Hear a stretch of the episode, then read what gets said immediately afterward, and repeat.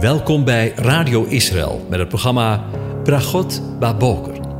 Een kort ochtendprogramma waarin een gedeelte uit de Bijbel wordt gelezen en besproken. Met Bragot Baboker wensen onze luisteraars zegeningen in de ochtend. Presentator is Kees van de Vlist.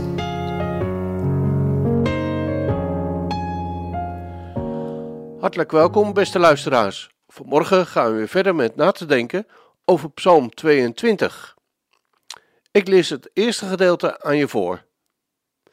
Een psalm van David voor de koorleider op de hinde van de dageraad. Mijn God, mijn God, waarom hebt u mij verlaten? Bent u ver van mijn verlossing, van de woorden van mijn jammerklacht? Mijn God, ik roep overdag, maar u antwoordt niet, en s'nachts, maar ik vind geen stilte. Maar u bent heilig, u troont op de lofzangen van Israël.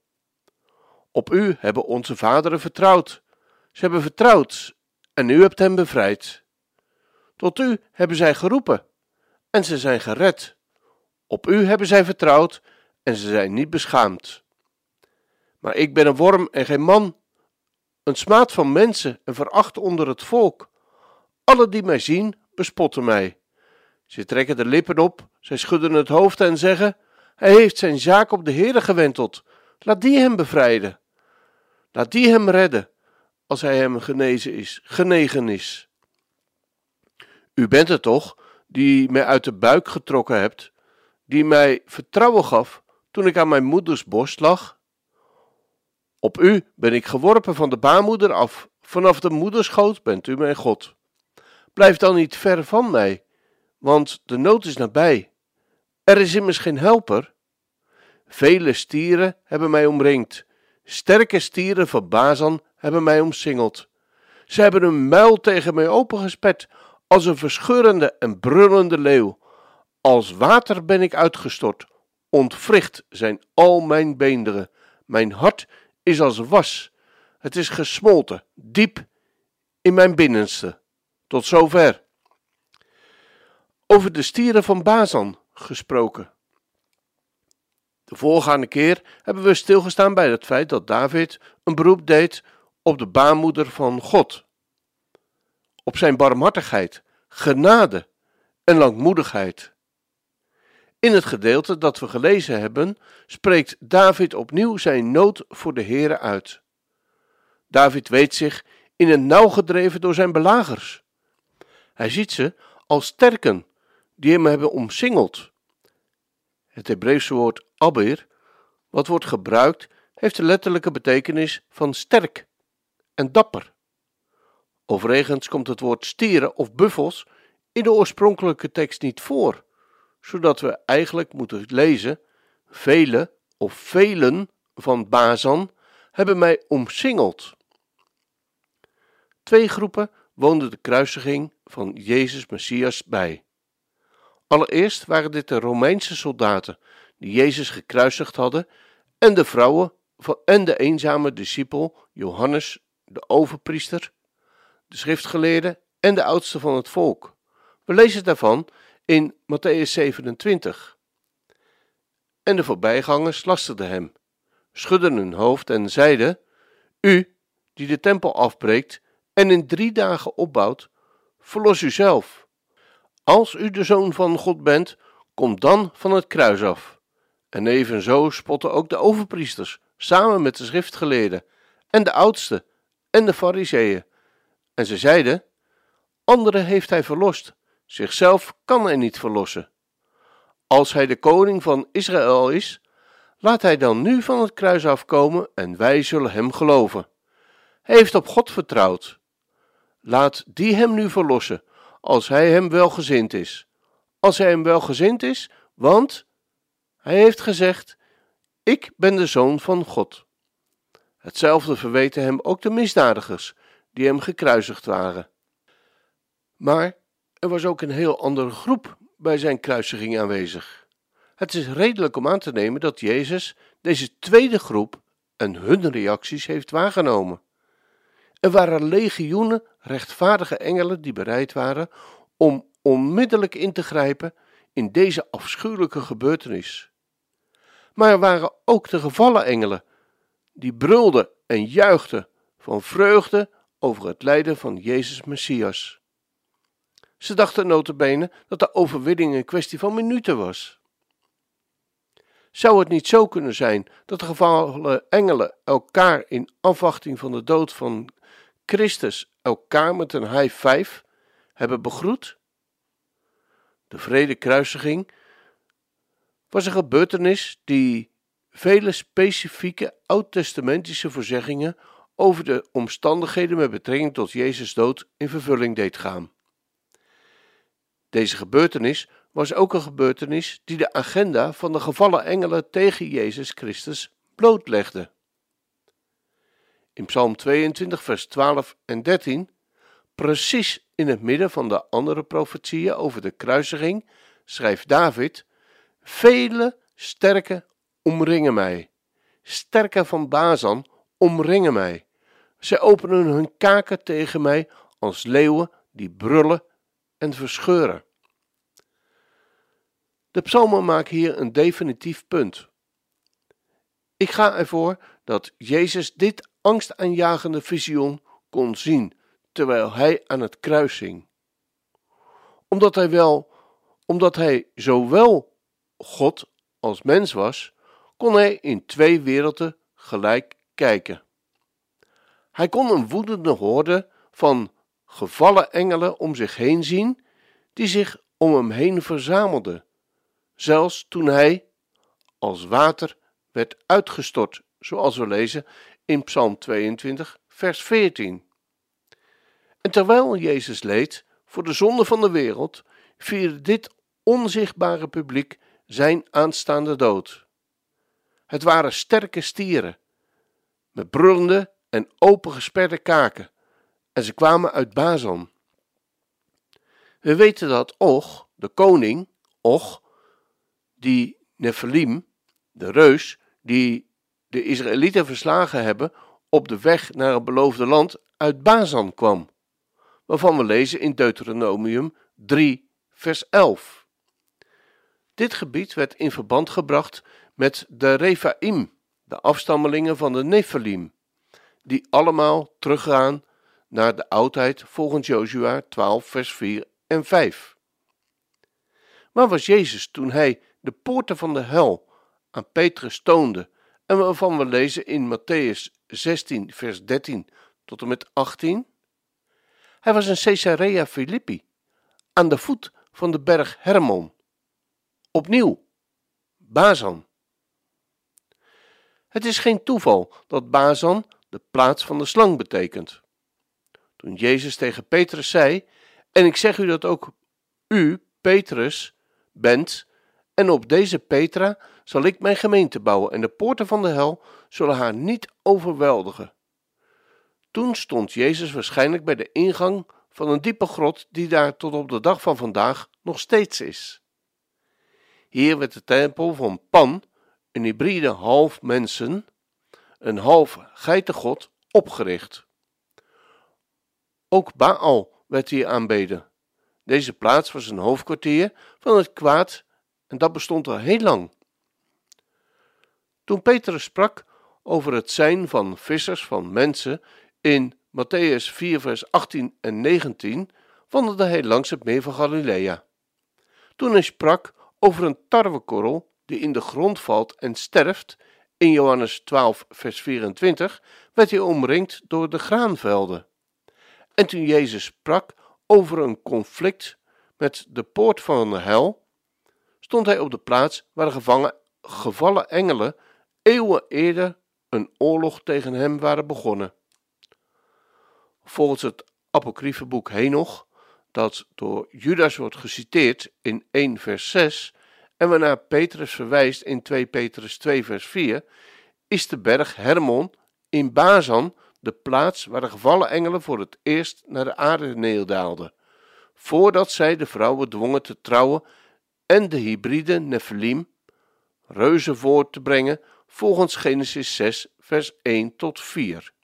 Interessant is dat de berg Hermon in de Golan-hoogte ligt. En dit gebied blijft een van de meest problematische stukken land in de wereld van vandaag, De naam van de berg Hermon is afgeleid van het Hebreeuwse woord Herem, wat betekent iets dat aan God is toegewijd voor vernietiging. Het kruis was niet het einde van Jezus Messias, maar de sterke stieren van Bazan brulden met open muilen terwijl Jezus stierf. Ze hebben de situatie verkeerd ingeschat. Ze waren vol haat voor de Messias en ik geloof dat ze verheugd waren over hun vermeende overwinning. Dit verklaart voor een deel waarom Jezus, hoewel hij voor zijn opstanding dood was, ondertussen levend gemaakt door de geest, door wie hij ook toen hij heen ging aan de geesten in de gevangenis gepredikt heeft, volgens 1 Petrus 3, vers 18 tot en met 20. Het is haast niet in te denken wanneer we over de Messias, maar tegelijkertijd de koning van hemel en aarde horen zeggen: Ze hebben hun muil tegen mij opengesperd, als een verscheurende en brullende leeuw. Als water ben ik uitgestort, ontwricht zijn al mijn beenderen, mijn hart is als was. Het is gesmolten, diep in mijn binnenste. Mijn kracht is verdroogd als een potscherf.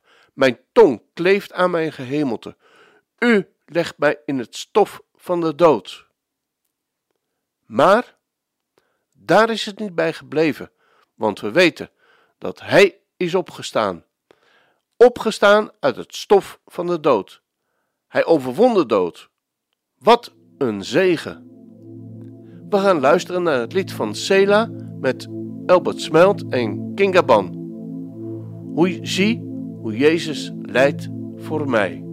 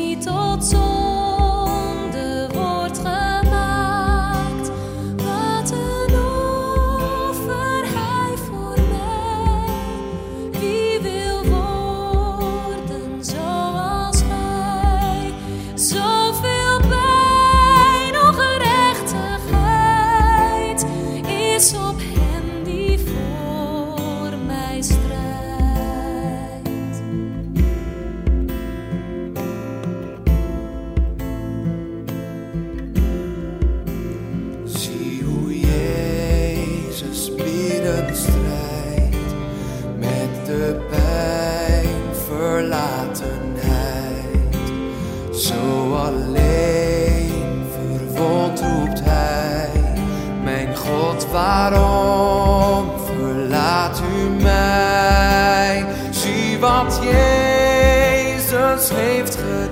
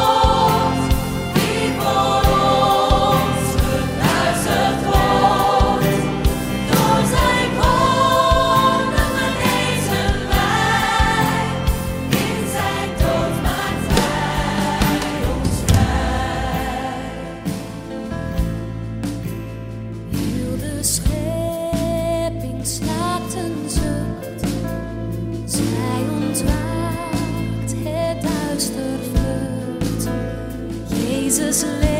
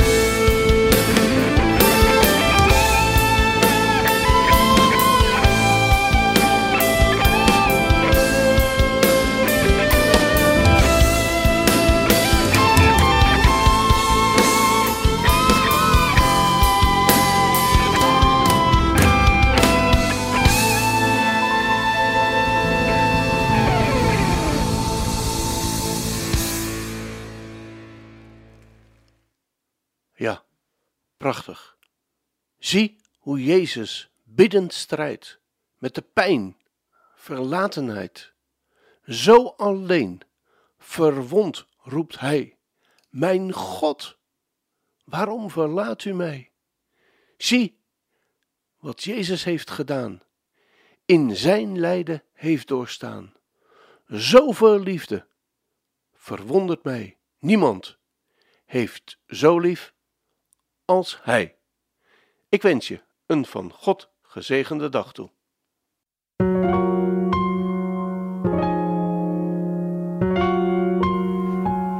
U hebt geluisterd naar het programma Bragot Baboker. Een kort ochtendprogramma waarin een gedeelte uit de Bijbel wordt gelezen en besproken. Wilt u het programma nog eens naluisteren, dan kan dat. Ga naar radioisrael.nl en klik onder het kopje radio op Uitzending gemist.